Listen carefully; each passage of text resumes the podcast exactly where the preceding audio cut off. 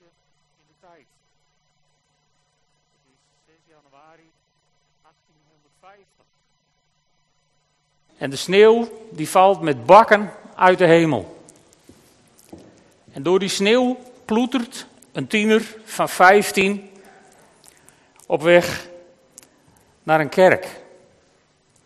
In de hoop eindelijk verlossing te vinden voor zijn zonden. Kennelijk kwam hij uit een kerk waar zijn zondigheid hem wel was meegedeeld, maar de verlossing had hij nog niet ontdekt.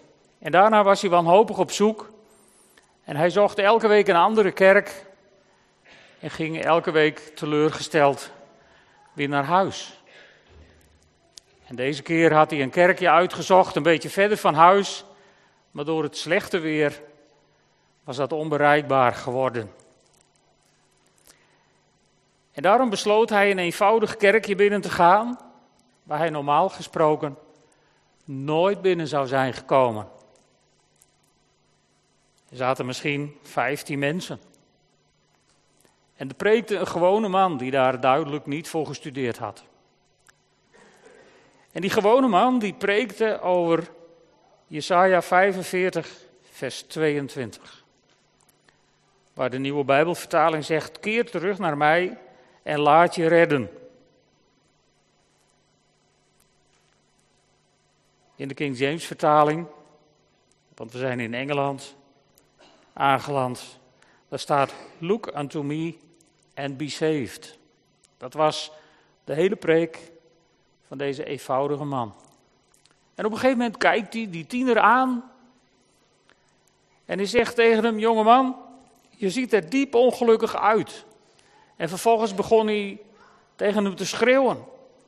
Zoals dat bij die primitieve baptisten uit die tijd de gewoonte was. En hij zei: Jongeman, zie op Jezus, zie, zie, zie. En het werd voor deze jongeman een avond om nooit te vergeten. Eindelijk ontdekte hij dat hij niet zelf van alles hoefde te doen, dat zijn verlossing niet van hem afhing, maar dat hij alleen maar op Jezus hoefde te zien om gered te worden. En dat deed hij op die avond. Zijn naam was Charles Haddon Spurgeon. En hij werd een van de grootste predikers aller tijden. Twee jaar later, toen hij 17 jaar was, werd hij door een list voor het blok gezet. Om ergens te preken, zonder enige voorbereiding, zomaar. En nog twee jaar later, toen was hij bijna twintig, werd hij gevraagd om voorganger te worden in Londen. En zo rond zijn 25ste jaar was het nodig om daar een nieuwe kerk te bouwen. Met 4500 zitplaatsen en die kerk was altijd te klein. Charles Haddon Spurgeon. Wanhopig op zoek naar zijn verlossing, wanhopig op zoek, terwijl hij toch ook het kerstverhaal kende. Maar de inhoud van kerst nooit had gevonden. Hij zag zichzelf niet zitten. Een hopeloos verloren zondaar, zonder enig zicht op redding. Maar op die ochtend, 6 januari 1850, kwam hij erachter dat God hem wel zag zitten. Hij was gefocust op zijn eigen situatie, maar die eenvoudige spreker riep hem op om op Jezus te zien. En dat werd zijn redding. Dat werd ook de redding van de herders. Die besloten om te gaan om het kind te zien. Het werd ook de redding van, uh, van de wijzen uit het oosten. Die kwamen van verre om te zien. Dat werd ook de redding van miljoenen en miljoenen mensen die sinds die tijd op Jezus hebben gezien, hun vertrouwen op Hem hebben gesteld en met Hem hun leven zijn gaan leiden.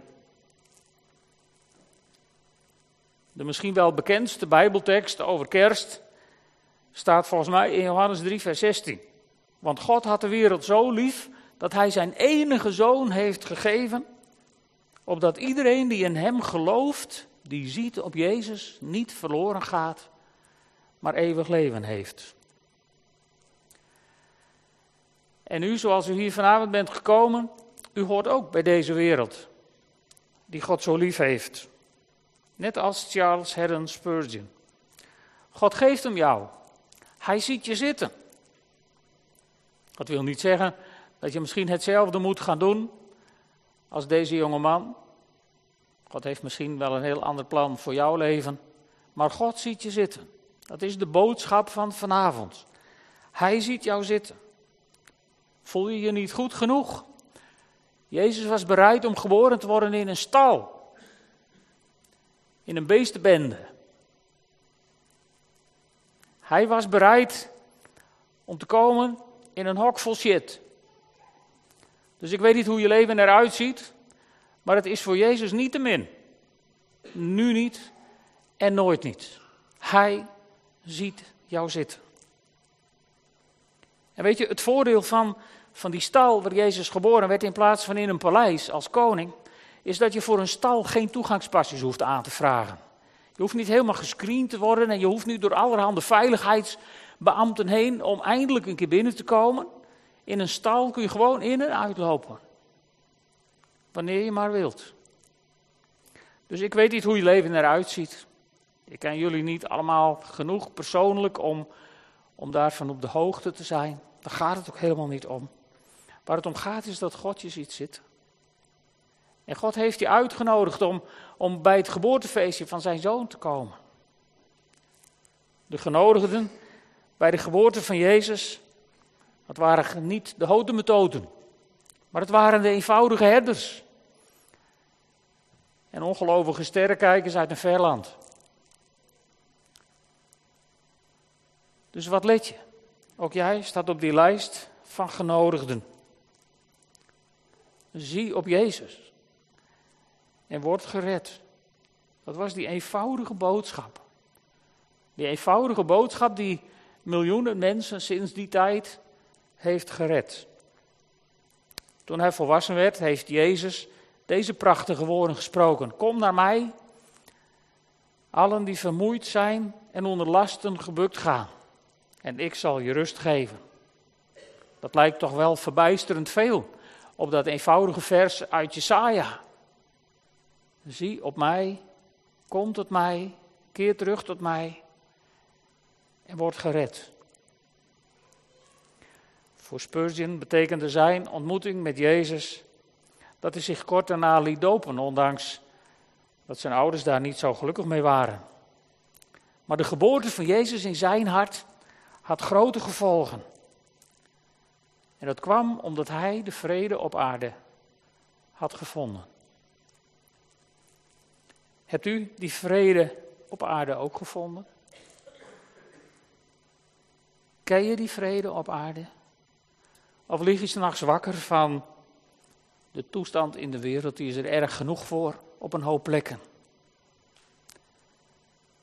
Lig je s'nachts wakker van je eigen toestand. Misschien van de problemen in je huwelijk. Misschien van het risico om je werk kwijt te raken. Misschien wel van het feit dat je geen werk kunt vinden. En zo zou ik nog tientallen redenen kunnen bedenken waar mensen van wakker kunnen liggen. Maar waar zijn je ogen op gericht? Eigenlijk is de boodschap vanavond heel simpel. Zie op Jezus en word gered. Word bevrijd. Kom tot Hem als je moe bent en onder die lasten gebukt gaat en Hij zal je rust geven. De vrede op aarde wil vanavond gevonden worden door jou. En ik zou zeggen, laat je die kans niet voorbij gaan. En misschien wil je jezelf deze kerstdagen dus afvragen wat de geboorte van Jezus dit jaar met jou gaat doen. Wat gaat er met jou gebeuren? Hoe ga je reageren op de uitnodiging? Keer terug tot mij en laat je redden. Mag ik een moment met jullie bidden? Zouden jullie willen gaan staan, voor zover je dat kunt? Vader in de hemel. Uw uitnodiging is, is zo reëel. En uw uitnodiging is, is zo eenvoudig. zie op mij en word gered. Heren, voor sommigen onder ons is het misschien wel te simpel om waar te zijn. Maar dan bid ik u, laat uw Heilige Geest dan de overtuigende kracht zijn deze avond. Heer, wilt u geboren worden in ons hart? Wilt u geboren worden in ons leven? Want u heeft ons zo lief. U heeft mij zo lief dat u uw enige zoon naar deze wereld hebt gestuurd. Opdat ik, als ik in u geloof en op u zie, niet verloren ga, maar eeuwig leven mag hebben.